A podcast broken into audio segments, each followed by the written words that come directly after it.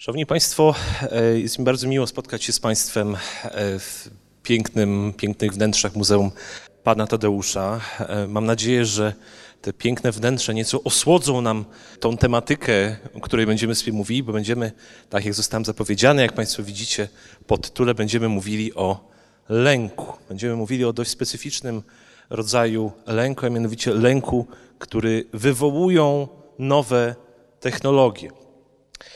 E, Na zadane w zapowiedzeniu mnie pytanie, czy się bać, czy nie bać, odpowiem jak e, typowy psycholog, trochę się bać, a trochę nie bać, ponieważ nie ma tutaj jednej, e, jednej zasady i do tego też będę chciał Państwa przekonać w trakcie tego swojego wystąpienia, że ta tematyka nowych technologii, psychologii nowych technologii jest tematyką niebywale wręcz skomplikowaną, zawiłą i tak naprawdę cały czas mamy znacznie więcej pytań niż, niż mm, odpowiedzi.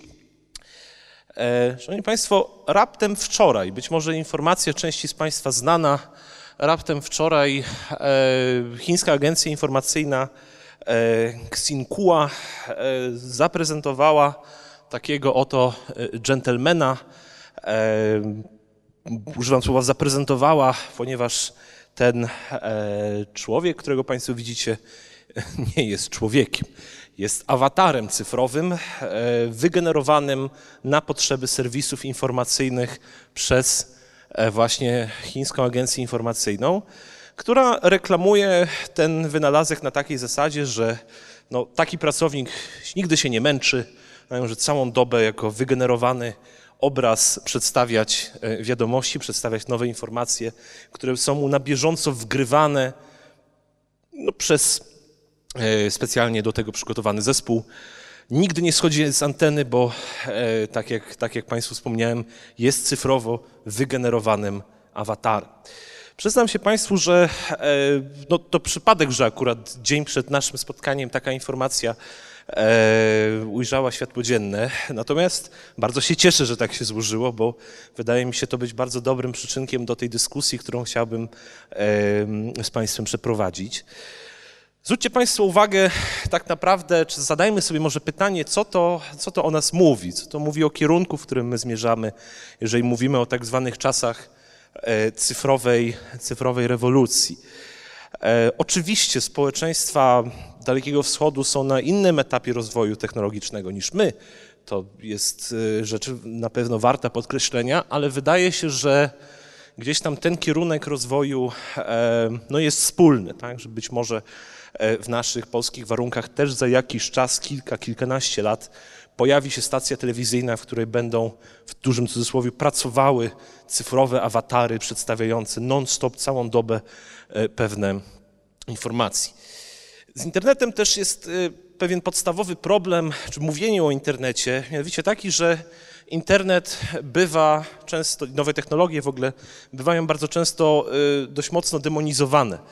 E, Jeżeli mówimy o zagrożeniach wynikających z, mm, mm, z właśnie tej cyfrowej rewolucji, to, to, to niekiedy za bardzo się boimy, tak? niekiedy za bardzo ten strach przed nowym, przed nowymi technologiami przysłania nam obraz tego, jak one, e, jak one rzeczywiście e, wyglądają.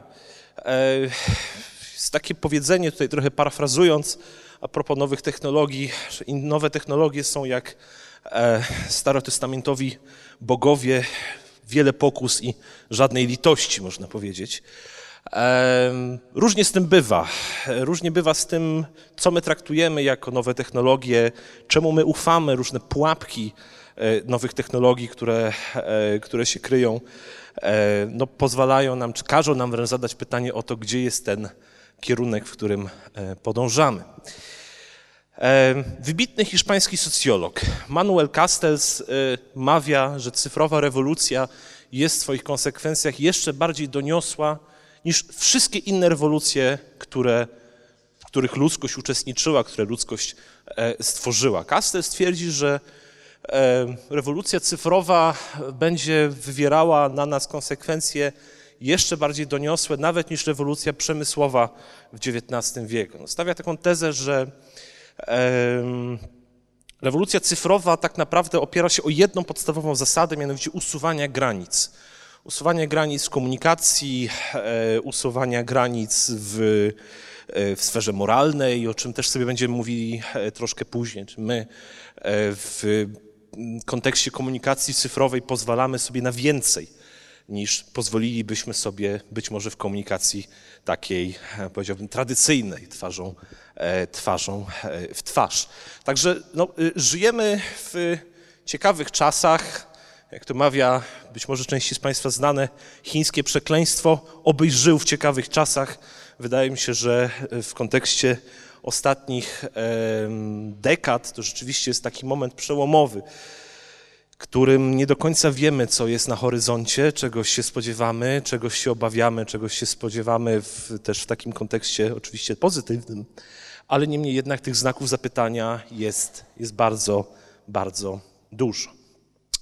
W związku z czym wydaje się, że w kontekście tematu naszego spotkania no, powinniśmy sobie zadać jedno podstawowe pytanie i od odpowiedzi na to pytanie spróbować przejść nieco dalej, mianowicie czego boimy się najbardziej w czasach cyfrowej rewolucji? Co napełnia nas największym strachem, największym niepokojem czy największym, e, największym lękiem?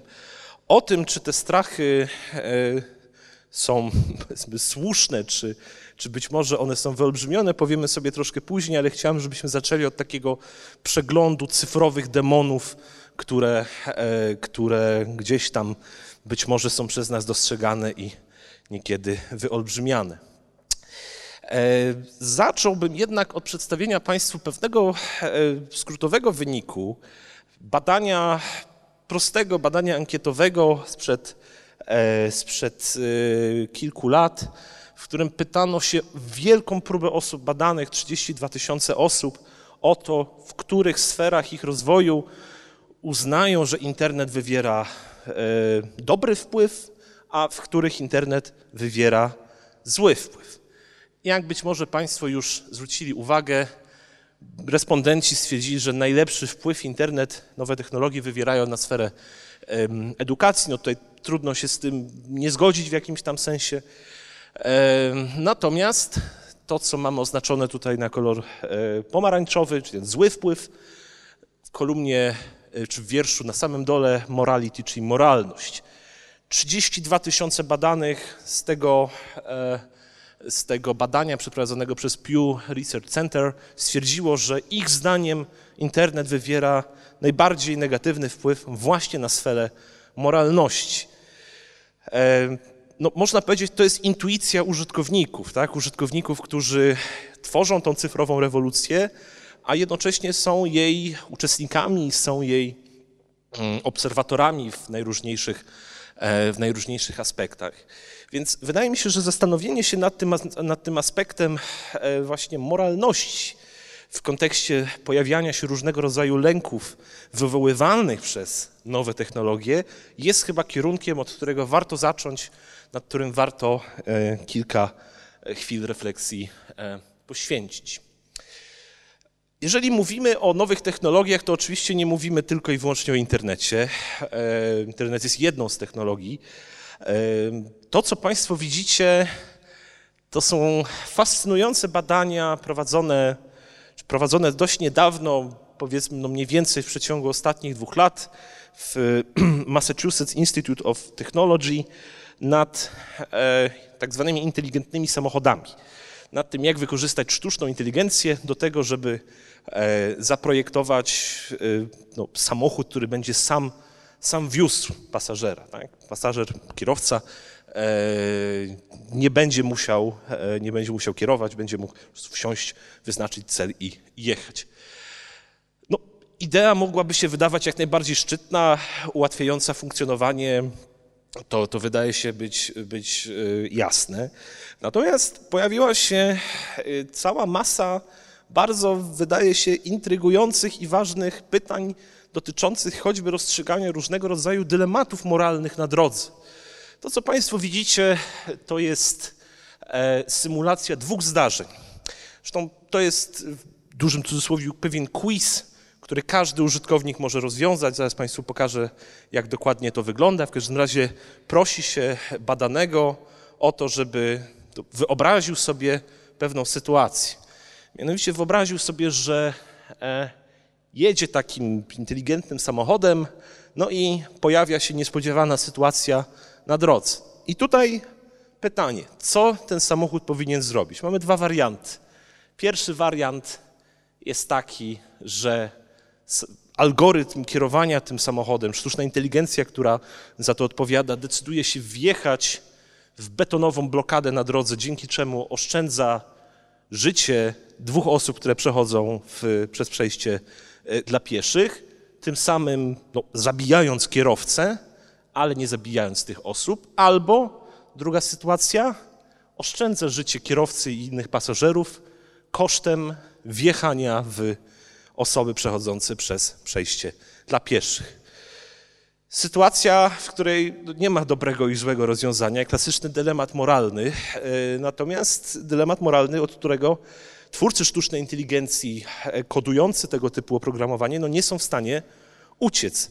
Taka sytuacja może się zdarzyć na drodze i no, pytanie, co tutaj e, zakodować, można powiedzieć. Tak? Czy my jesteśmy w stanie zakodować moralność, napisać idealny kod e, informatyczny, w którym zaprojektujemy idealną moralność? No, wydaje się, że odpowiedź na to pytanie jest oczywiście, e, oczywiście negatywna.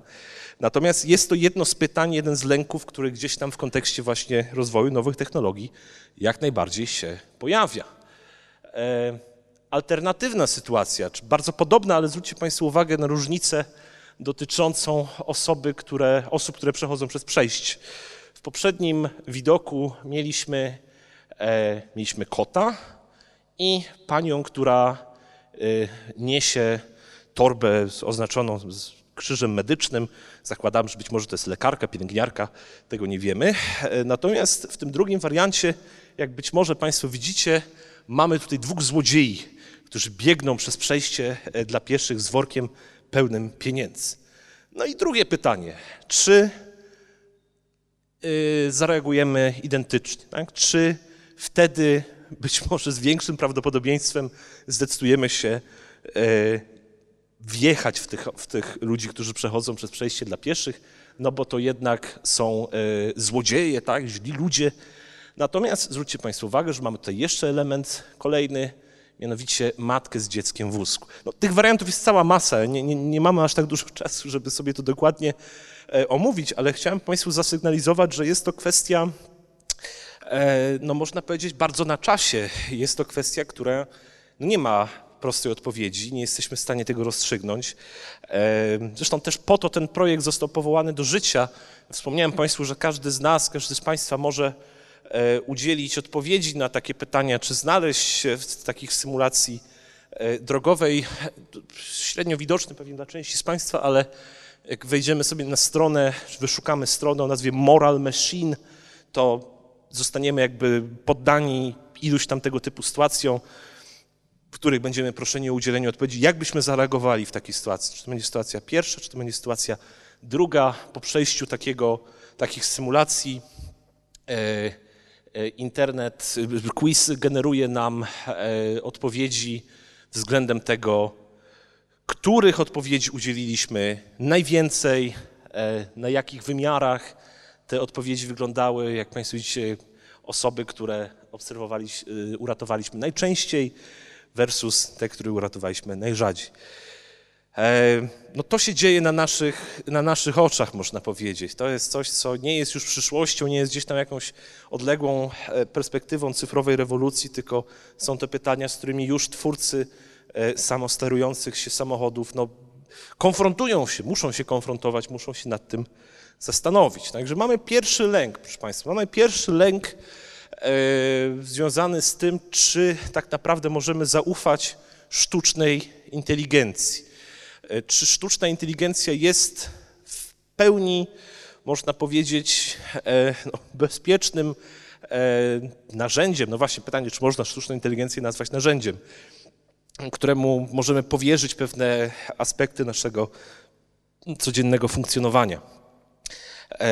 To, co jest istotną, istotnym elementem sztucznej inteligencji, warto wydaje się podkreślić, jest to, że sztuczna inteligencja, bardzo upraszczając, jest kodem, który sam się uczy w pewnym sensie, czyli nabywa doświadczenia, im dłużej funkcjonuje, nabywa doświadczenia w kontekście interakcji z e, użytkownikami, na tej podstawie tworząc nowe scenariusze e, zachowań.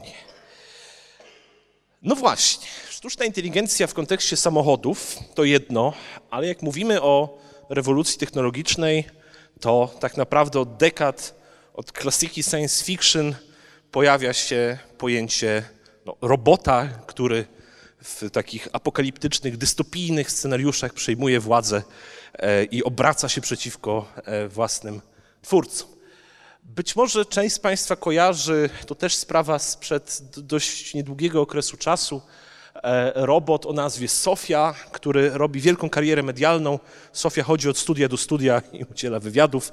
Tutaj akurat rozmawia z e, dziennikarzem e, portalu Tech Insider. Bardzo Państwu polecam e, obejrzeć sobie taki wywiad z robotem.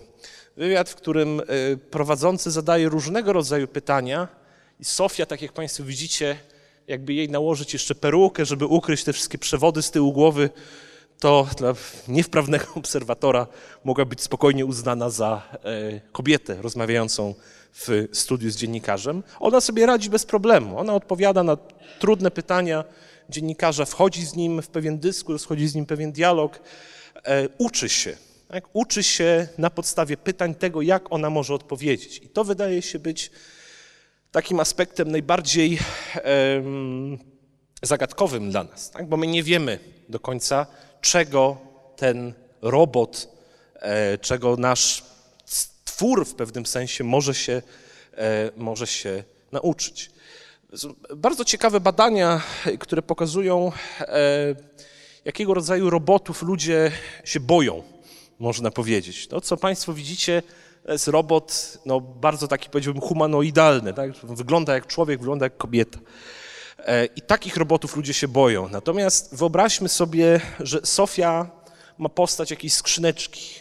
W ogóle nie przypomina człowieka, natomiast pełni wszystkie tego typu funkcje, też jest w stanie w cudzysłowie rozmawiać, odpowiadać na pytania, e, zapamiętywać różnego rodzaju nowe informacje i tak dalej. Okazuje się, że z tym ludzie nie mają problemu. Czyli Jeżeli mamy taki aspekt robota, który przypomina człowieka, no to faktycznie e, budzi to pewien lęk, natomiast i to już wielkie korporacje informatyczne i techniczne no, wzięły pod uwagę, to nie jest kierunek, w którym one idą, bo nie chcą straszyć potencjalnych klientów i użytkowników, w związku z czym produkuje się, tworzy się różnego rodzaju roboty, jak tak zwana Alexa, choćby, które spełniają całą masę identycznych funkcji, natomiast po prostu nie wyglądają jak człowiek, w związku z czym ludzie się ich nie boją. Od robotów, proszę Państwa, jeden niewielki krok do tak zwanej wirtualnej rzeczywistości. Wirtualna rzeczywistość, rozszerzona rzeczywistość, jako pojęcie w pewnym sensie pokrewne, jest czymś, co no, szturmuje różnego rodzaju rynki, czy to badawcze, czy biznesowe, marketingowe, już od dobrych kilku, e, kilku lat. Jeżeli mógłbym Państwa poprosić o podniesienie ręki, kto z Państwa miał być może okazję do założenia sobie takich specjalnych gogli wirtualnej rzeczywistości e, kilka, kilkanaście, około dwudziestu, dwudziestu kilku osób.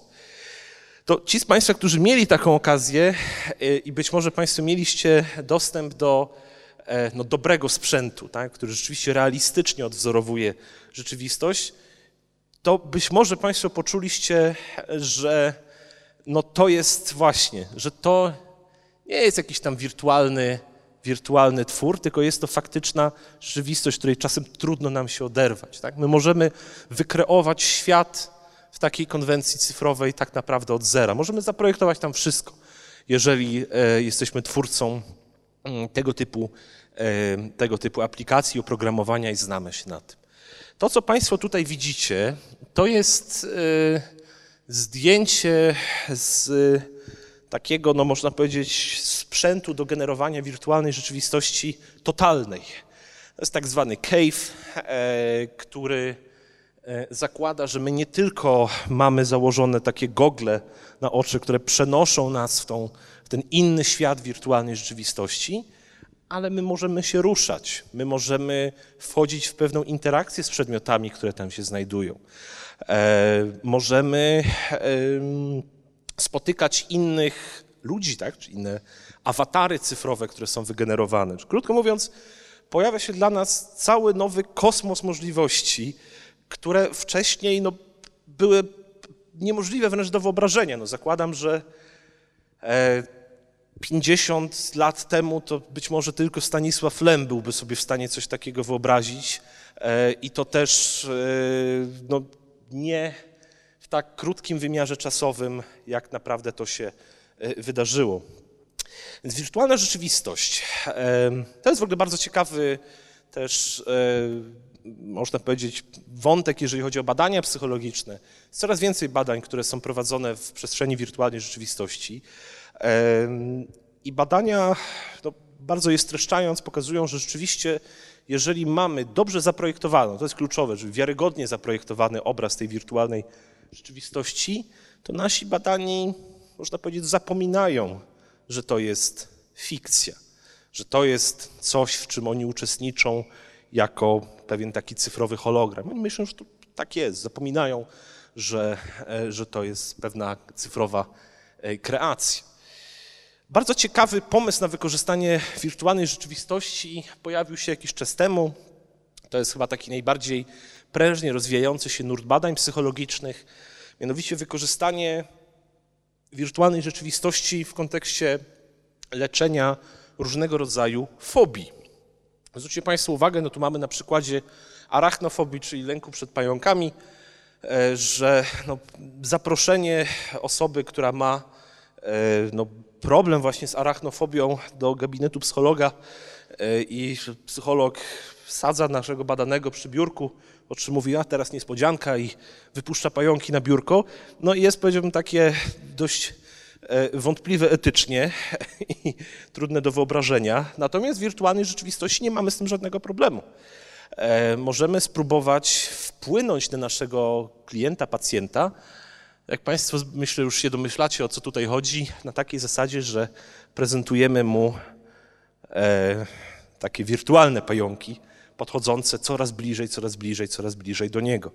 Zwróćcie Państwo uwagę, że mamy tutaj E, taką kartkę. Tak? Czyli badany siada przy biurku, e, jesteśmy w stanie zastymulować ruch jego rąk e, i mamy tutaj napis more spiders i less spiders. Więcej pająków i mniej pająków. Do tego mamy tu ledwo widoczny dopisek look here, czyli spójrz tutaj. Czyli badany jest, nie jest bezwolnie wrzucony w tą wirtualną rzeczywistość, tylko jeżeli spojrzy na zielony pasek co wirtualna rzeczywistość bez problemu wychwyci, że on patrzy tu, a nie tam, to od pająków będzie mniejszy. Krótko mówiąc, jeżeli pacjent uzna, że psycholog prze, przesadził z tymi pająkami i e, wygenerował ich trochę za dużo, to sam może modyfikować świat, który go otacza. Niewyobrażalne w czasach, czy niewyobrażalne, jeżeli chodzi o taką łatwość w sytuacji e, bez wykorzystania E, właśnie wirtualnej rzeczywistości. Ten przykład z pająkami jest jakby pierwszym z brzegu, można powiedzieć, bo tak jak wspomniałem Państwu, wykorzystanie wirtualnej rzeczywistości w kontekście radzenia sobie z fobiami jest, jest coraz powszechniejsze. E, są pasjonujące badania dotyczące choćby wykorzystania wirtualnej terapii w kontekście, wirtualnej rzeczywistości w kontekście terapii e, i pomagania osobom z autyzmem. Też, też takie badania się, e, się prowadzi. Także no to jest olbrzymia dziedzina, która no w moim przekonaniu chyba z tych wszystkich, o których mówimy, z tych wszystkich aspektów nowej technologii jest najbardziej przyszłościowa, najbardziej rozwojowa, e, bo, bo no wydaje się, że tutaj możliwości za, zaimplementowania tej technologii w różnego rodzaju sferach funkcjonowania jest bardzo dużo, ale oczywiście pojawia się pytanie o drugą stronę medalu. Czy zawsze jest tak pięknie? No nie jest. Wirtualna rzeczywistość, e, szczególnie rzeczywistość, która faktycznie jest perfekcyjnie zaprojektowana, można powiedzieć, może uzależniać. Tak? Czyli to ja mogę znacznie lepiej czuć się w sztucznie wykreowanym świecie wirtualnej rzeczywistości niż w tym, co mnie czeka po zdjęciu wirtualnych okularów. To być może jest na razie jeszcze wybieganie w przyszłość, ale wydaje mi się, że warto takie pytania stawiać, jeżeli mówimy o, o lękach, które wywołuje cyfrowa rewolucja. E, nie wiem, czy Państwo się ze mną zgodzą, ale w moim przekonaniu to będzie problem, z którym będziemy się borykać za kilka, bardziej kilkanaście, e, kilkanaście lat, w momencie, kiedy e, no, to, co, to, do czego będziemy mieli dostęp poprzez wirtualną rzeczywistość, będzie dla nas znacznie bardziej kuszące, interesujące niż to, co, jak wspomniałem, zastaje nas po zdjęciu tych wirtualnych okularów. Więc no, to gdzieś tam na horyzoncie na nas czeka. Na pewno E, psychologowie kliniczni, psychoterapeuci zajmujący się leczeniem uzależnień choćby e, technologicznych, wydaje się, że e, będą się z tym za jakiś czas musieli skonfrontować. Zostawiając na moment na boku wirtualną rzeczywistość, wydaje mi się, że warto wspomnieć dwa słowa o tak zwanych inteligentnych domach, co może wydawać się części z Państwa zagadkowe. Czemu mówię o, o inteligentnych domach w kontekście największych lęków cyfrowej rewolucji. E, dwa słowa wyjaśnienia. Inteligentny dom, smart house, zwał tak zwał, e, jest domem, którym my możemy zarządzać poprzez na przykład smartfon. Mamy zainstalowanych ileś tam aplikacji, czy właśnie na smartfonie, czy na tablecie. W prosty sposób możemy choćby zwiększać temperaturę, e, zamówić sobie zakupy, monitorujemy, że w lodówce nie ma tego, a tego, w związku z czym dwoma kliknięciami możemy wysłać zamówienie do sklepu, który nam dostarczy e, zakupy pod drzwi i tak dalej, i tak dalej. No tutaj tych możliwości jest, e, jest bardzo dużo. No i właśnie, wydaje się, że co w tym, co w tym złego, że tak sobie e, ułatwiamy życie i wykorzystujemy tego typu technologie do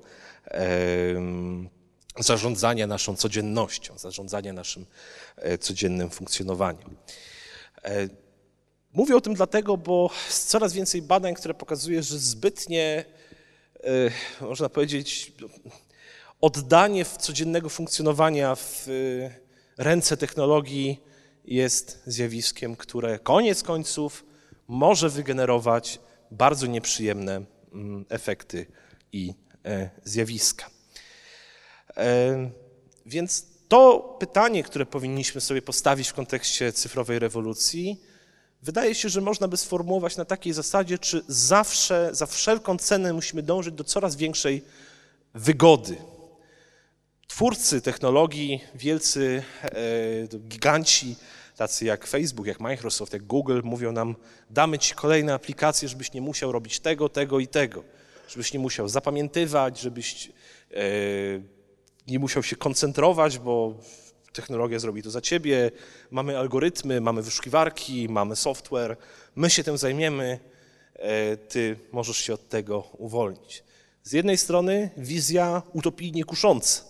Z drugiej strony, no właśnie, e, ten badacz, którego Państwo widzicie, profesor Manfred Spitzer z Uniwersytetu w Ulm, twierdzi, że powinniśmy uważać, że trochę się zapętliliśmy, trochę się jakby, e, mówiąc terminologią sportową, zakiwaliśmy. Manfred Spitzer jest autorem świetnej książki, którą bardzo, bardzo serdecznie Państwu polecam, pod tytułem Cyfrowa demencja. Spitzer twierdzi zgodnie z tytułem tej książki, że nowe technologie, e, internet, smartfony, E, tablet, wszystko to właśnie, co rzekomo ma ułatwiać nam codzienne funkcjonowanie, jeżeli, można powiedzieć, nie zapanujemy nad tym, nie postawimy w pewnym sensie znaku stop, że tyle technologii starczy w pewnym, w pewnym y, sensie, to możemy mieć do czynienia z czymś, co właśnie Szpicer nazywa cyfrową demencją. Z psychologiem, psychiatrą, czy neuropsychiatrą, człowiekiem, który przeprowadził E, wiele, wiele badań mm, sam na, na ten temat, ale też w tej książce powołuje się na, na dziesiątki innego rodzaju publikacji. E, I Spitzer stawia taką tezę, że pewnym sensie trochę przerosło nas to, co sami stworzyliśmy. że tych aplikacji, e, z których korzystamy, jest tak dużo, że w sytuacji, w której nie mielibyśmy na przykład dostępu, nie mielibyśmy telefonu, rozładowałby się nam choćby, e, to jesteśmy bezradni. Tak twierdzi Szpicer. To jest teza, on sobie zdaje z tego sprawę, zresztą pisze o tym w książce, e, no, nieco kontrowersyjna, jeżeli chodzi o rozwój nowych technologii, natomiast Szpicer twierdzi, ostrzegam, to jest za dwie dwunaste, już nawet nie za pięć dwunaste, żebyśmy zastanowili się nad tym, czy nie przesadziliśmy. Czy nie jest przypadkiem tak, że nasze choćby procesy pamięciowe, koncentracja, e, siła woli, różnego rodzaju, rodzaju procesy motywacyjne są tak zależne od nowych technologii, że w pewnym sensie stajemy się takim dodatkiem do swojego smartfona. Tak? Że to jest, e, on przyjmuje tak naprawdę za nas rolę codziennego, e, wiele aspektów codziennego funkcjonowania. I teraz można by zadać kolejne pytanie. No znowu, czy mimo tego, że ludzie tacy jak Manfred Spitzer twierdzą, że grozi to nam tak zwaną cyfrową demencją, czy mimo wszystko nie należy uznać, że on nas za bardzo straszy, to jest jakaś apokaliptyczna wizja. Co w tym złego, że e, mamy różnego rodzaju aplikacje, które nam e, pomagają właśnie w takim e, poznawczym, umysłowym funkcjonowaniu. Zapamiętuj, możemy zapisać sobie pewne informacje, nie obciążamy sobie wtedy nimi pamięci. I Szpicer nam na to pytanie odpowiada w swoich publikacjach. Mianowicie twierdzi, że um, największe niebezpieczeństwo tak naprawdę pojawia się wtedy, kiedy mówimy o, o dzieciach, o młodych użytkownikach nowych technologii. E, nie wiem, być może Państwo kojarzycie taki filmik, on był dość popularny nie tak dawno temu w internecie, w którym taki mały chłopczyk, jak na oko dwuletni, dostaje od ojca gazetę i próbuje ją rozszerzać tak jak tablet. Jak się nie rozszerza, tam przesuwać, jak się nie rozszerza, nie przesuwa, to zaczyna płakać i mówi, że zepsuty sprzęt. Tak? E, no, to o czym świadczy? E, jeżeli dajemy rocznemu, dwuletniemu dziecku tablet, a no, wiele osób tak robi mm, z różnych względów, no, dziecko zajmie się tym tabletem i można powiedzieć jest spokój. E, co, jak pokazuje Szpicer, może, oczywiście nie musi, bo to jest też dodatkowe czynniki wchodzą w grę, natomiast może skutkować tym, że taki, takie dziecko na przykład nie wykształci w sobie e, specjalnych zdolności poznawczych odpowiadających choćby za zapamiętywanie różnego rodzaju treści, za koncentrowanie się. No, zwróćcie Państwo uwagę, jeżeli mamy e, tablet czy smartfona, ile tam jest bodźców, tak? tu coś świeci, tu może wejść, tu z tego może skorzystać i tak dalej.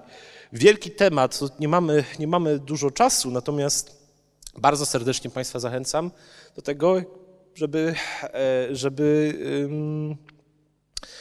zapoznać się z tymi ideami, które Szpicer tworzy. Ja o nich opowiadam w kontekście lęków też dlatego, że e, no, coraz więcej osób zdaje sobie sprawę z tego, że tutaj gdzieś coś być może, być może nie gra tak, jak powinno grać i zaczynamy się zastanawiać nad tym, czy faktycznie to jest ten kierunek, w którym, e, w którym idziemy. Kolejny lęk lęk najbardziej e, chyba medialny, internetowa agresja. Skąd się bierze tak dużo, jak nam by się mogło wydawać, internetowej agresji, mowy nienawiści w internecie? Jest cała masa badań na temat internetowej agresji, e, natomiast wydaje mi się, że warto zastanowić się nad tym troszkę z innej perspektywy. Mianowicie nie tyle z perspektywy samej agresji jako takiej, bo myślę, że no, każdy z nas w różnych miejscach w internecie miał tą nieprzyjemność zetknięcia się z różnego rodzaju agresywnymi, hejterskimi komentarzami, niekiedy wyjątkowo paskudnymi, wulgarnymi. I myślimy sobie, no coś, coś siedzi w takim człowieku, że on no, poświęca swój czas, e, energię po to, żeby wylać z siebie taką falę, falę hejtu to też jest pewien lęk, który nam towarzyszy. Ja, zdarza mi się od czasu do czasu prowadzić warsztaty w e, szkołach, czy to podstawowych, czy, czy szkołach średnich, dla rodziców też, uczniów, którzy chodzą do takich szkół i e, zawsze się pojawia to pytanie, no co z tą internetową agresją? Jak ja mogę uchronić swoje dziecko od internetowej agresji? Rodzice, zresztą sami uczniowie też się tego często obawiają. No i pytanie pojawia się takie, czy my jesteśmy w stanie to zrobić, czy też, e, czy też nie. Natomiast wydaje się, że to, na co warto zwrócić uwagę, to jest ta geneza e, internetowej agresji. Bardzo kolejna ciekawa książka, którą Państwu, Państwu polecam. E, Teoria zła Simona Barona Cohena, który twierdzi, że tak naprawdę podstawą wszelkiego rodzaju, no wielkie słowo, tak, wszelkiego rodzaju zła, którym możemy mówić, jest brak empatii. Brak empatii rozumiany tutaj jako brak świadomości tego, że to, co ja wypisuję w komentarzu pod jakimś artykułem, może kogoś rzeczywiście zranić. Wielu ludzi, jak pokazują badania psychologiczne, nie ma takiej świadomości. Ciekawe badania pokazujące, e, dotyczące tego, jak faktycznie tacy hejterzy, przepytani i jakby podczas próby zrozumienia tego, czemu oni się zachowują tak, nie, tak a nie inaczej, twierdzą, że to z ich perspektywy to wcale nie jest agresja, że to tak jest w internecie, po prostu taka konwencja, no, co tu się przyczepiać do tego, wszyscy tak robią, to on też tak będzie e, funkcjonował. Zwróćcie Państwo uwagę, że mamy do czynienia w przestrzeni internetu, czy tego chcemy, czy nie, z pewną erozją empatii, z pewnym obniżeniem się poziomu empatii, co można powiedzieć jest nieuniknione, bo my w najprostszym możliwym sensie my nie widzimy drugiego człowieka. Tak? My e, nie widzimy jego mimiki, nie widzimy jego postawy ciała, my widzimy tylko tekst, który on e, pisze, tak? pewien wytwór, który on na przykład zostawia jako komentarz gdzieś pod, e, pod jakimś artykułem czy na portalu społecznościowym. W związku z czym to nie jest tak naprawdę komunikacja między dwoma żywymi osobami, czy nie jest tak postrzegana przez wiele osób, tylko jako właśnie pewien taki, pewna taka wymiana informacji, która bardzo łatwo może usunąć się w e, różnego rodzaju takie mm, aspekty czy obszary, które mm, mogą być uznane za, za e, hejterskie. To jest wielki też znowu, kolejny wielki temat, e, kolejny wielki lęk, można powiedzieć. Natomiast e, jeżeli by się przyjrzeć populacji internautów, co nie jest łatwe, e, i spróbować, są takie badania socjologiczne, i spróbować sprawdzić, ilu tak naprawdę jest tych hejterów. Bo każdy mówi, a internet w pełnej agresji, trzy czwarte internautów to hejterzy i tak dalej, e, to badania pokazują, że to jest iluzja. Wcale tak nie jest. Że tak naprawdę tych hejterów możemy mieć kilka procent, no mówić tak powiedzmy 4-5%, 4-5% e, osób, które nie wykluczają takiego zachowania i dopuszczają, że mogą się agresywnie odnosić do innych internautów. No i zwróćmy uwagę, co tu się dzieje. No to jest taki trochę mechanizm, jakbyśmy siedzieli w e, restauracji i nagle przy barze dwóch ludzi zaczyna się agresywnie, wulgarnie kłócić, no to można powiedzieć, atmosfera siada w całej restauracji e, i po prostu nie chcemy przebywać w takiej przestrzeni. Więc tu jest podobny mechanizm, w którym ci agresorzy, ci hejterzy e, tak naprawdę zatruwają całą przestrzeń i wielu ludzi twierdzi, że no w takiej sytuacji oni się wycofują, zamykają tą stronę, nie chcą mieć z tym absolutnie nic mm, do czynienia. Rozproszenie odpowiedzialności, bardzo ciekawy też nurt badań w ogóle w psychologii społecznej na tym, czemu ludzie unikają od podejmowania odpowiedzialności, na przykład zaniesienie pomocy ofiarze jakiegoś wypadku. Klasyczne badania psychologii społecznej pokazują, że odpowiedzialność rozprasza się w tłumie, im więcej jest świadków danego zdarzenia, tym no, w pewnym sensie mniejsza szansa, że ktoś podejmie tą osobistą odpowiedzialność i zareaguje. E, w internecie wyobraźcie Państwo sobie, że no, ilość świadków na przykład jakiegoś agresywnego ataku na portalu społecznościowym jest, no, można powiedzieć, nieskończona. My nie wiemy, ile osób wchodzi na tą stronę internetową. Możemy sobie tylko wyobrazić, że, że to jest tak naprawdę no, liczba, liczba, której my nie jesteśmy w stanie określić, w związku z czym tym bardziej te mechanizmy rozpraszania odpowiedzialności e, w tym kontekście funkcjonują. Profesor Jacek Pyżalski e, z Uniwersytetu Adama Mickiewicza, badacz internetowej agresji, pionier, można powiedzieć, w warunkach polskich badań nad, nad właśnie internetową agresją, dzielił ją na kilka rodzajów.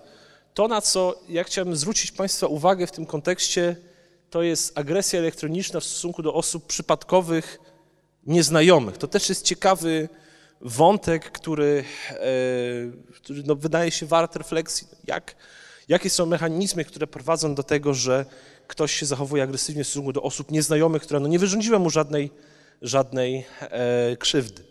Z badań prowadzonych między innymi właśnie przez profesora Bieżalskiego znowu pojawia się taki wątek, że to nie jest agresja w rozumieniu agresora, tylko pewien żart, pewna konwencja. E, w związku z czym no, zwróćmy uwagę, że ta specyfika komunikacji zapośredniczonej komputerowo sprawia, że my mówimy o zupełnie dwóch różnych światach. E, w światach, w których dany hater, powiedzmy, w funkcjonowaniu poza internetem może być bardzo uprzejmym, kulturalnym człowiekiem, natomiast kiedy wchodzi do sieci, pisze jakiś komentarz, wchodzi w jakąś agresywną interakcję, wszelkie zasady ulegają mm, zawieszeniu. Jest szereg ciekawych badań, e, które pokazują, jaka może być geneza taka, jeżeli chodzi o psychologię osobowości internetowej agresji. E, to, na co wydaje mi się, że warto tutaj zwrócić szczególną uwagę, e, to jest to, że mm, internet daje nam takie dość specyficzne poczucie subiektywnego bezpieczeństwa. Czyli ja nie boję się, że ktoś, no mówiąc wprost, odda mi. Tak? Ja piszę jakiś komentarz, nawet on może być bardzo agresywny, bardzo hejterski, ale no cały czas, można powiedzieć, mam tę granicę monitora, ekranu przede mną, nie jest mi w stanie ktoś zrobić bezpośredniej, e, bezpośredniej krzywdy. Badania, które Państwo widzicie na samej górze, Odachi i Czelich sprzed kilku lat, wykazały, że możemy mówić o pewnej kombinacji cech osobowościowych, które sprzyjają e, czemuś, co oni nazwali e, problematycznymi zachowaniami w internecie, mianowicie wysoki poziom no, agresywności, to to jest, myślę, jasne, natomiast połączone z nieśmiałością. Tutaj rzeczywiście internet no, jest taką furtką do tego, żeby móc jakby dać upust w pewnym sensie tej agresywności bez żadnych e, istotnych tak naprawdę e, konsekwencji. E, podsumowując ten wątek, o którym sobie mówiliśmy przez ostatni czas, wydaje się, że możemy określić taki powiedziałbym, kilka fal cyfrowych zagrożeń, z którymi mamy do czynienia. Mieliśmy do czynienia, e, te pierwsze trzy są, powiedziałbym, dość dobrze rozpoznane, natomiast fala czwarta dopiero na nas e, napiera i prawdopodobnie za jakiś czas będziemy musieli się z nią skonfrontować. Mowa nienawiści, trolling internetowy, o tym sobie, o tym sobie powiedzieliśmy, propagowanie terroryzmu, też myślę, że, że większość z Państwa, e, czy to w mniej, czy bardziej tradycyjnych mediach, zetknęła się choćby z tym, że e, różnego rodzaju no, terroryści e, kręcą choćby filmy z egzekucji, które przeprowadzają, umieszczają je na portalach społecznościowych, jako jeden przykład działania. Wykorzystują w ogóle bardzo dobrze media społecznościowe i, i, no i pytanie, co jest tego konsekwencją? Nie ma tu konsekwencji tak naprawdę. Nic się, nic się nie zmienia. Facebook, Twitter e, praktycznie nic z tym, e, nic z tym nie robią. E, znacznie łatwiej jest usunąć z Facebooka zdjęcie matki karmiącej piersią niż takiego brutalnego filmiku. To jest taki paradoks regulaminu Facebooka, z którym no, nic się, można powiedzieć, za bardzo nie dzieje. Ingerencja w wybory, no to to jest to już kolejny wielki temat. E, ponownie, e, wykorzystanie portali społecznościowych w kontekście szerzenia takiego informacyjnego chaosu, wywoływania takiego szumu informacyjnego, różnego rodzaju fake newsy, nieprawdziwe informacje. No, nie chcę tutaj podawać konkretnych przykładów wyborów na świecie, ale myślę, że, że Państwo doskonale sobie zdajecie sprawę, E, jak wiele takich sytuacji miało miejsce e, i ile różnego rodzaju konkretnych przykładów pojawiało się e, właśnie w, w takim dyskursie internetowym, jak łatwo też jest zrobić takiego fake news, jak bardzo bez wysiłku tak naprawdę możemy stworzyć pewną informację, na przykład na Twitterze, wykorzystując szereg różnego rodzaju sztucznych kont, napędzamy jakby, e, napędzamy tą informację, ona trafia do coraz szerszego grona odbiorców na zasadzie takiego efektu cyfrowej kuli śnieżnej i tak naprawdę w pewnym momencie no, odbiorca takiej informacji powinien sobie postawić pytanie, czy to, że ja dostałem jakąś wiadomość udostępnioną przez dużą liczbę osób, znaczy, że ona jest prawdziwa? No nie, oczywiście, że nie. Natomiast wiele, wielu internautów na prostej zasadzie, że jeżeli to się podaje w internecie, no to na pewno coś tam jest na rzeczy takim informacjom ufa. Ale ostatnia fala, na którą szczególnie chciałem tutaj zwrócić y, Państwa uwagę, czyli to, co mamy tutaj jako punkt czwarty, mm, czyli już nie tyle tworzenie fake newsów na prostej zasadzie artykułu, ale tworzenie tak zwanych deep fake'ów. E, to, co Państwo tutaj widzicie, to jest. Zachęcam Państwa do obejrzenia tego materiału. Tutaj nie, nie, nie będę go puszczał, ale e, jest sztuczny wywiad z Barackiem Obamą, czy wypowiedź Baracka Obamy, e, który no, został wygenerowany w pewnym sensie z różnego rodzaju scen. Połączona jego mimika, jego wypowiedzi, głos podkłada, no tutaj, ła, przepraszam, głos podkłada osoba, która ma bardzo podobny tembr głosu do Baracka Obamy, w związku z czym jeżeli byśmy nie wiedzieli o tym, że to jest no, fake, że to jest sztuczne, moglibyśmy spokojnie uznać, że jest to prawdziwa wypowiedź Baracka Obamy, który tutaj w tym filmiku wyzywa Donalda Trumpa w wulgarnych słowach, e, no i generalnie mówi rzeczy, których raczej byśmy się po Obamie e, nie spodziewali. Wydaje mi się, że to jest coś, z czym będziemy mieli duży problem jako społeczeństwo. Wygenerowanie filmiku z Obamą na tym etapie rozwoju technologii nie jest specjalnie trudne. Natomiast niestety coraz więcej jest takich sytuacji, w których to zjawisko dotyka nie tak bardzo znane osoby jak Barack Obama, ale może dotknąć e, tak naprawdę każdego z nas.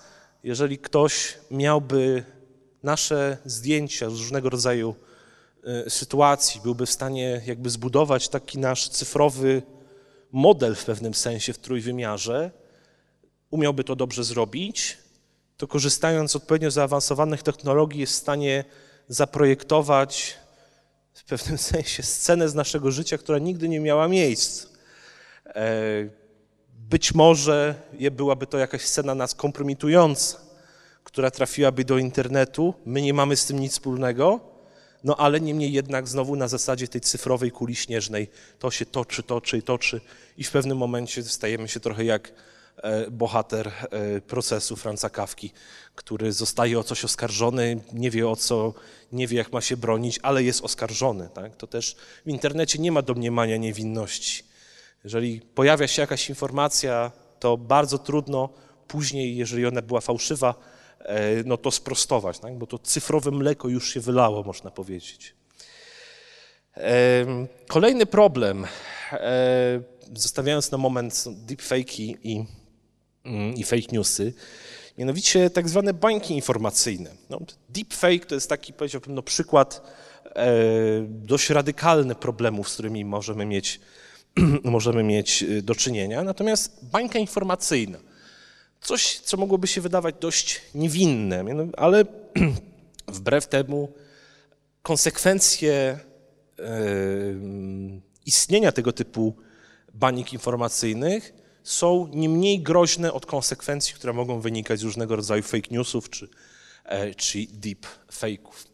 Generalnie rzecz biorąc, e, w koncepcji bańki informacyjnej e, po angielsku filter bubble, chodzi o to, że my nie mamy, w większości oczywiście, nie mamy tak swobodnego dostępu do informacji, jak mogłoby się nam wydawać. Jeżeli Państwo macie konto na przykład na Facebooku, to zastanówcie się Państwo, czy informacje, które Państwo widzicie w strumieniu aktywności, e, rzeczywiście są, tak powiedziałbym, neutralnie generowane dla państwa. Czy to są informacje od najnowszej do najstarszej i tak dalej. Jakbyśmy się przyjrzeli tym algorytmom, czy nie przyjrzymy się, bo znaję bardzo wąskie grono osób, ale jakbyśmy się zastanowili nad tymi algorytmami, to zwrócilibyśmy uwagę, że e, wcale tak nie jest. Że jest tam cała masa różnego rodzaju schematów, które zadaniem jest filtrowanie właśnie dla nas pewnego rodzaju informacji. Kto to filtruje? Jak Państwo tutaj choćby na tym przykładzie widzicie, filtrują to wielkie korporacje, których zależy na tym, żeby trafiły do nas konkretne treści. E, w związku z czym wydaje się, że taki podstawowy aspekt informacyjny portali społecznościowych no nie jest taki, bym powiedział, bezproblemowy, jak, e, jak mogłoby się nam na pierwszy rzut e, oka, oka wydawać. Przykład pierwszy z brzegu, też jeżeli chodzi o takie mm, problemy związane z naszą aktywnością na portalach społecznościowych. Pewno Państwo, ci z Państwa, którzy macie konto na Facebooku, zwróciliście uwagę, że no, kiedyś możliwością reakcji, udzielenia reakcji był tak zwany like. Teraz tych możliwości mamy więcej, są emotikony odznaczające różnego rodzaju emocje. Facebook tłumaczy, że celem wprowadzenia y, było y, no, danie użytkownikom więcej, większej możliwości reakcji. No, trudno się z tym nie zgodzić. Natomiast y, konsekwencją tego jest to, że Facebook ma o nas sześć razy więcej bardziej szczegółowych informacji niż miał kiedyś, co oczywiście można w bardzo elegancki sposób, no, nie wiem czy taki elegancki, ale, e, ale w bardzo prosty sposób e, spieniężyć, jeżeli chodzi o wyświetlanie nam reklam, choćby w, w polach po boku Facebooka czy w trakcie w treści różnego rodzaju wiadomości. W ogóle kwestia tego wymiaru społecznego w internecie jest kwestią bardzo taką no, dyskusyjną, bym powiedział. Mówimy o portalach społecznościowych, o budowaniu pewnych społeczności w internecie. No, idea jak najbardziej, e, jak najbardziej szlachetna. Natomiast społeczności nie muszą się budować i nie budują się tylko dookoła pięknych, wzniosłych idei, budują się też dookoła różnych innych pomysłów na funkcjonowanie. Pewnie część z Państwa słyszała o takim zjawisku jak patostreaming, e, czyli transmitowaniu przez e, użytkowników no, treści, które mniej lub bardziej można by zakwalifikować jako treści patologiczne. Tutaj akurat no nie jest to jakiś bardzo e, patologiczny przykład, ale E, ale no, to, co z tym można było mieć do czynienia w przestrzeni YouTube'a i różnego rodzaju tego typu portali, to było na przykład choćby transmitowanie jakichś libacji alkoholowych albo awantur w, w, w mieszkaniu takiego e, YouTubera. Czyli krótko mówiąc, wywoływaniu bardzo mocnych kontrowersji treściami, które są prezentowane. No i właśnie po co? Zwróćcie Państwo uwagę, to jest średnio widoczne tutaj na tym e, naszym rzutniku, ale tu mamy nazwisk, czyli pseudonimy osób, które przekazują wpłaty na konto takiego patostreamera, takiego użytkownika. Ktoś przekazał 3 zł, 3, 3, 2 zł, 5 zł, ktoś tu zaszalał. W związku z czym no, grosz do grosza i zbierze się taka patologiczna kokosza, jak można by powiedzieć. E, pieniądze, jakie zarabiają e, patostreamerzy na tego typu mechanizmach są olbrzymie. To są kwoty, e, które nas no, mogłyby powalić na ziemię, że takim zachowaniem można zarobić tak duże pieniądze. Co za tym idzie? Wyobraźmy sobie dwunastolatka, który wchodzi do internetu, widzi coś takiego, widzi takiego youtubera, domyśla się kwot, którą on zarabia i myśli sobie, no, świetny sposób na życie. Tak?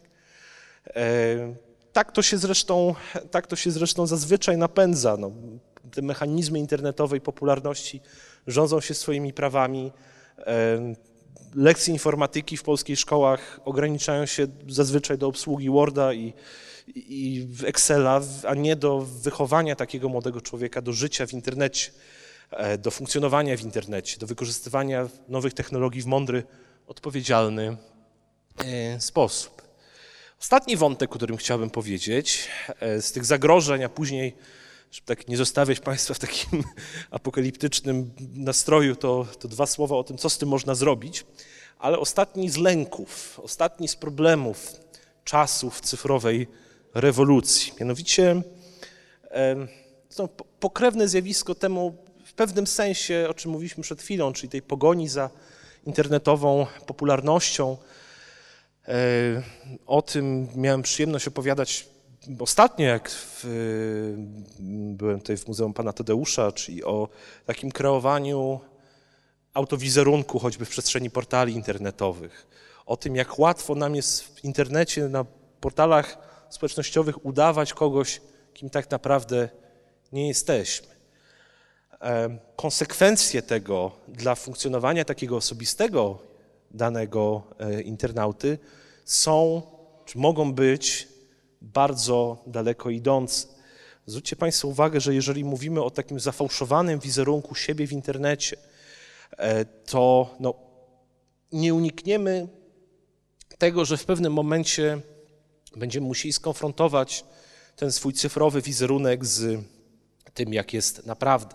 Więc jeżeli stworzyliśmy jakąś dalece różną od nas osobę w przestrzeni internetu, nakładając szereg filtrów na zdjęcia, które wrzucamy na, e, na Instagram czy na, na Facebooka, no w pewnym sensie, w pewnym momencie ta kreacja się kończy.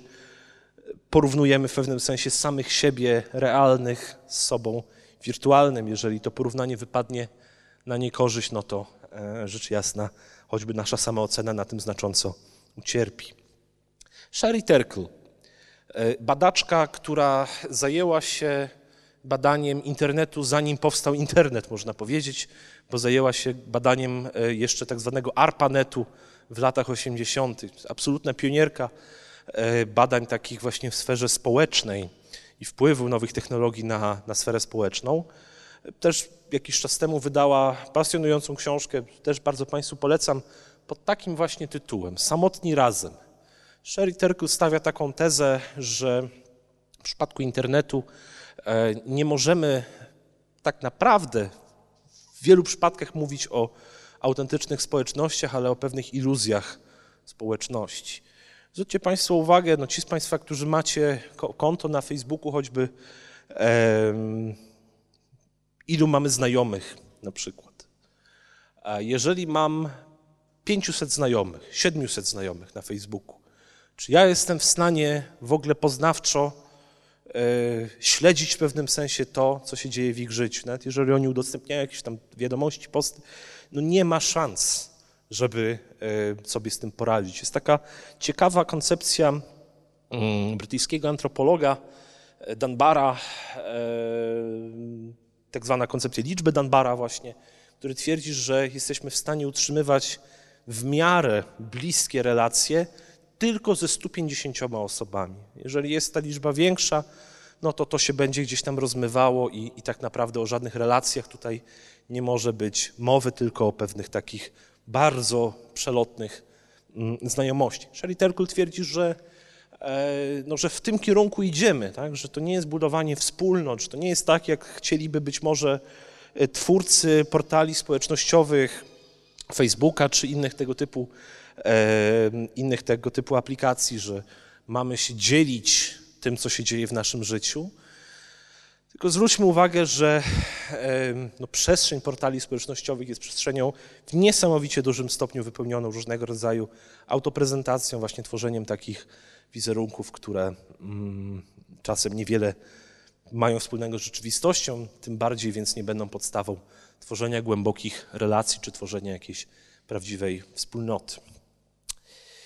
No właśnie, co z tym można zrobić? Bo tutaj przez godzinę opowiadałem Państwu o różnych lękach, różnych problemach, e, tych ciemnych stronach cyfrowej rewolucji. Czy naprawdę jest tak źle?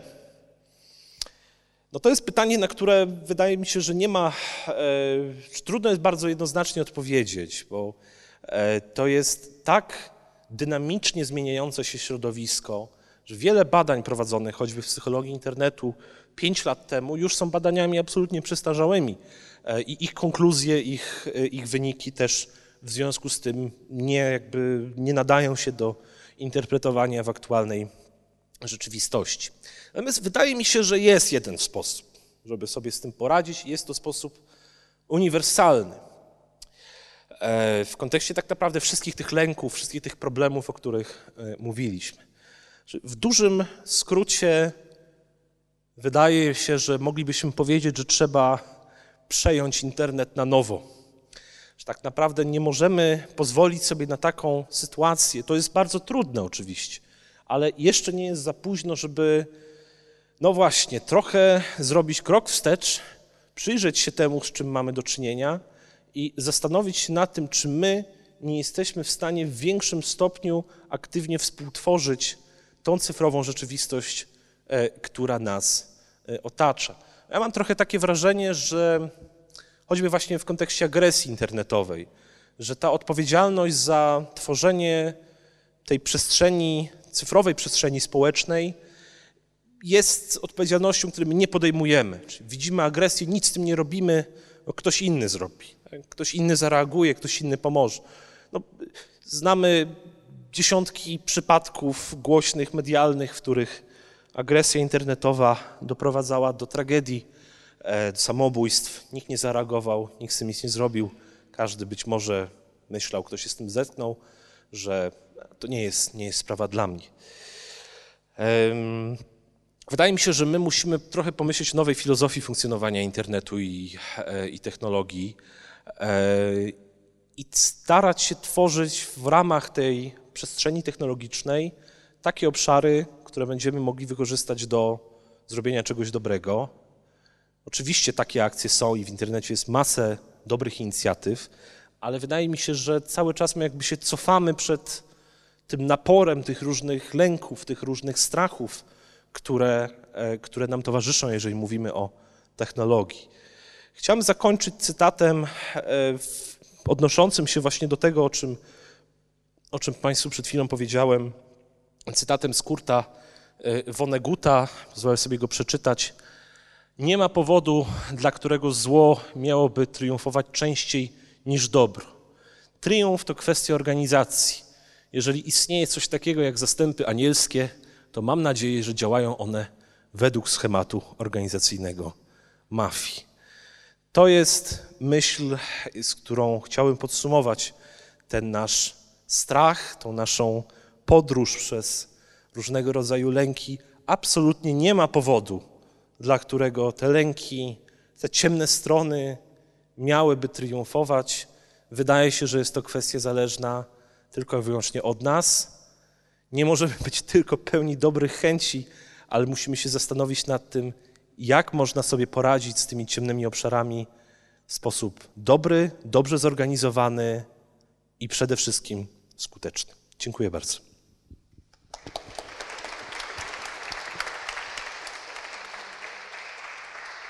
Również bardzo dziękuję. Bardzo e, wiele interesujących wątków i kwestii. Ja mam wrażenie, że nie wiem, czy się Państwo zgodzą, nie wiem, czy się ze mną zgodzisz, że e, to technologia jako narzędzie jednak, które e, uruchamia te lęki wcale nie nowe przed byciem śledzonym, przed tym tempem, przed nienadążaniem, przed tym, co jest prawdą, co nie jest prawdą. Te lęki, które się które ludzkość, e, ludzie mieli zawsze, teraz może one są jeszcze łatwiej e, wyartykułować. Jeżeli chciałam też powiedzieć, że w dobrym miejscu, bo jesteśmy, żeby sobie o tym pomyśleć. W tym Muzeum Pana Tadeusza muzeum łączy trochę przeszłość i przyszłość. Jest bardzo technologiczne i multimedialne. Zapraszam, żeby się Państwo do tego, jeśli chcą się Państwo przekonać, ale też jest częścią Osolineum, gdzie jest ta analogowa wiedza, w razie czego. E, gdzie są też katalogi, kartki, księgi e, i pewne kompetencje z tym związane, ale y, już y, chciałam oddać głos, y, jeśli mają Państwo pytania, uwagi jakieś do Jakuba, to, to ja podejdę z mikrofonem. Proszę podnosić rękę. E, Chciałam się spytać o tak zwany fear of missing out, bo mam wrażenie, że ten problem, no na przykład mnie dotyka, że em, nie potrafię na przykład wyjść z domu bez telefonu albo nawet zjeść kolacji bez telefonu, bo boję się, że stanie się coś, a mnie przy tym nie będzie, nie odbiorę jakiejś wiadomości na czas.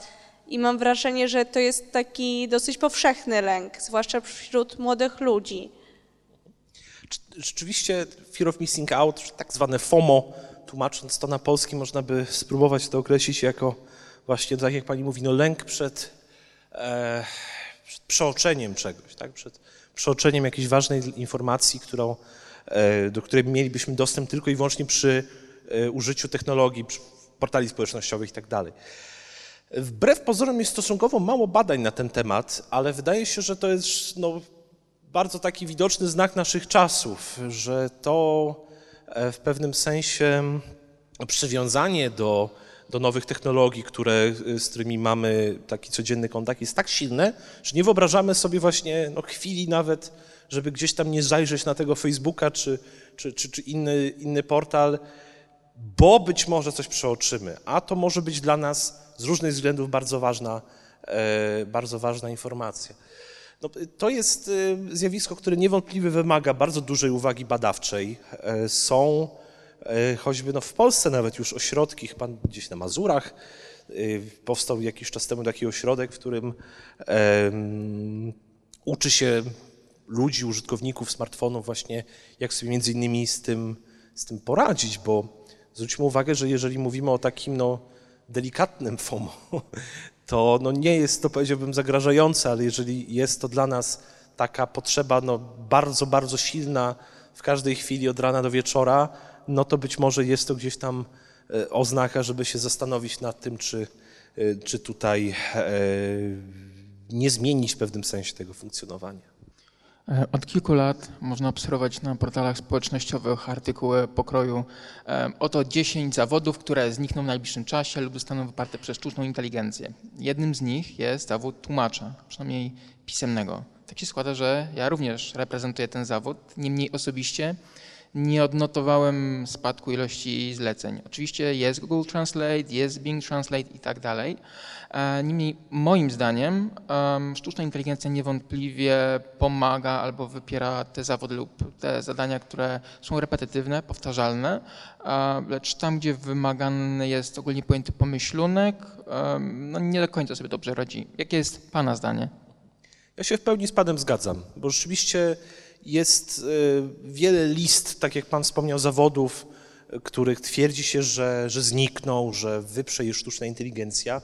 No, niewątpliwie, e, można powiedzieć, odciąży część e, takiego funkcjonowania zawodowego, ale minie jeszcze wiele, wiele lat, o ile w ogóle dojdzie do takiej sytuacji, w której będziemy mogli idealnie porównać właśnie choćby na przykładzie tłumacza tekst wygenerowany przez Google Translate z no, wiedzą czy tłumaczeniem stworzonym przez osobę, która, e, która się tym zajmuje zawodowo.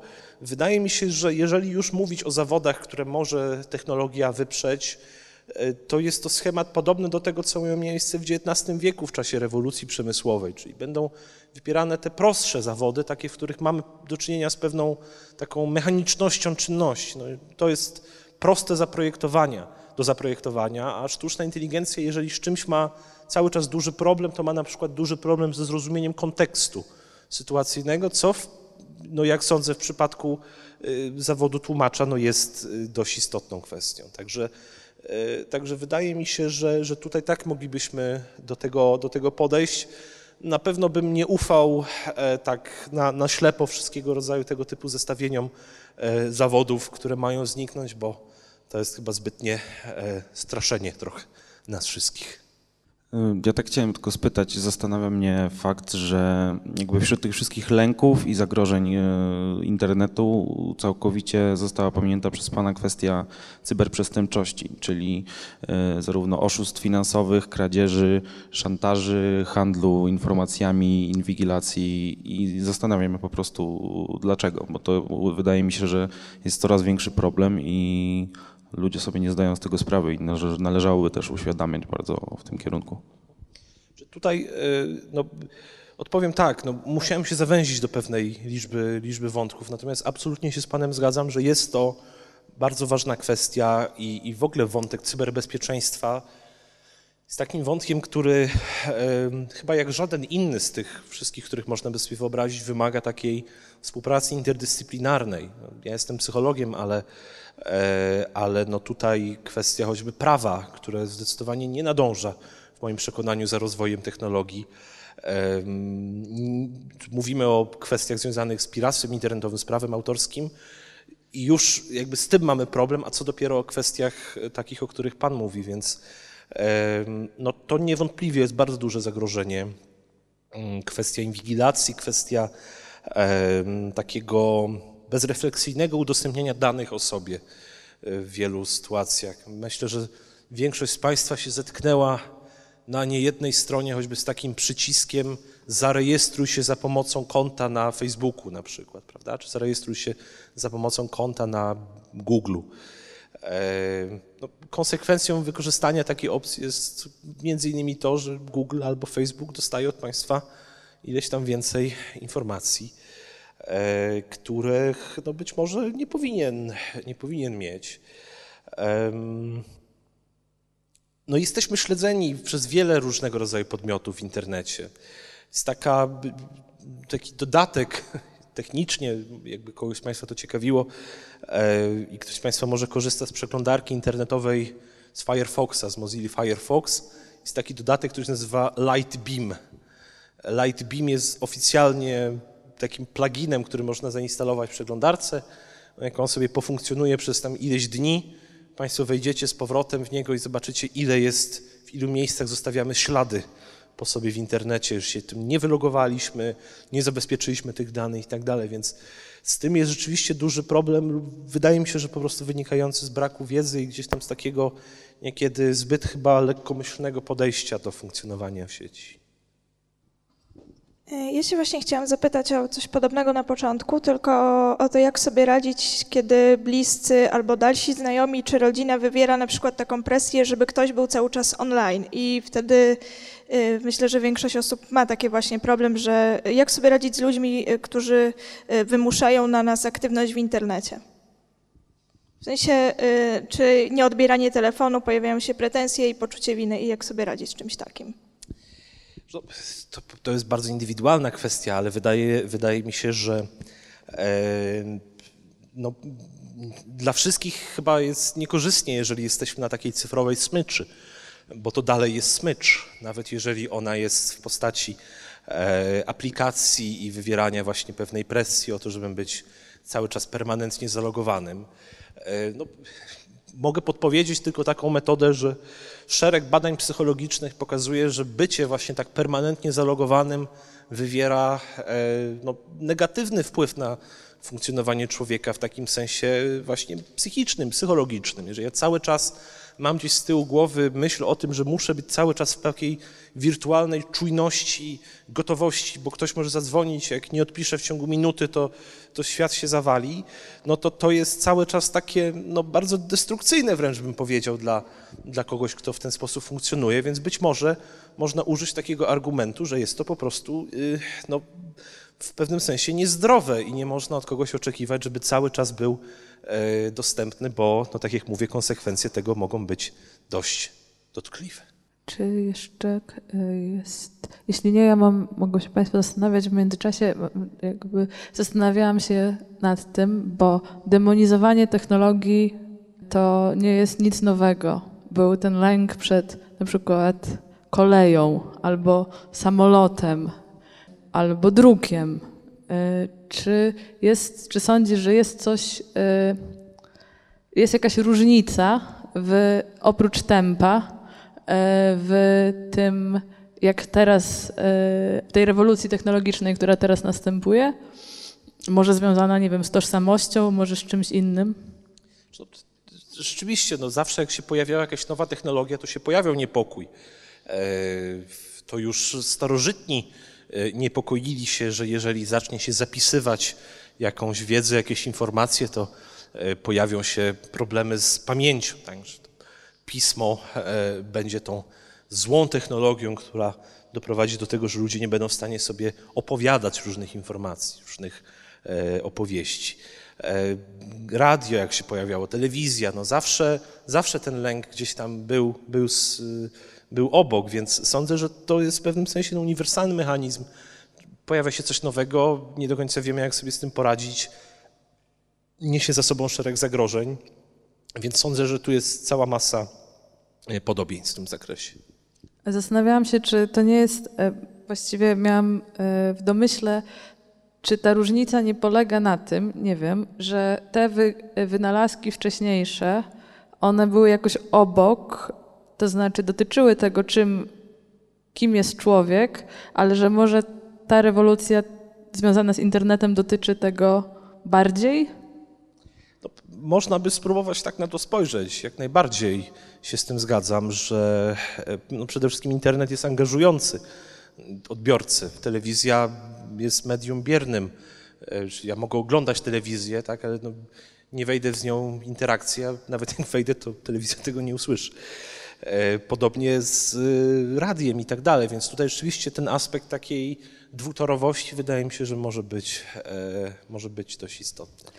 Tak, w tym, w tym znaczeniu, że jakby być może zmienia, zmienia się definicja tego, nie wiem, czy się, kim jest człowiek, czym jest człowiek. Jedna taka zmiana nastąpiła właśnie w romantyzmie, który postawił na taką indywidualność jednostki, ten romantyk trochę skłócony, indywidualność, zmiana, a teraz czy jakby y, można powiedzieć o przedefiniowaniu znowu takich antropologicznych definicji tego, kim jest jednostka, czym jestem przy okazji, nie wiem, tych botów, robotów, kim jest człowiek w ogóle, bo może to jest też takie e, coś na podstawowym poziomie, co budzi duży lęk.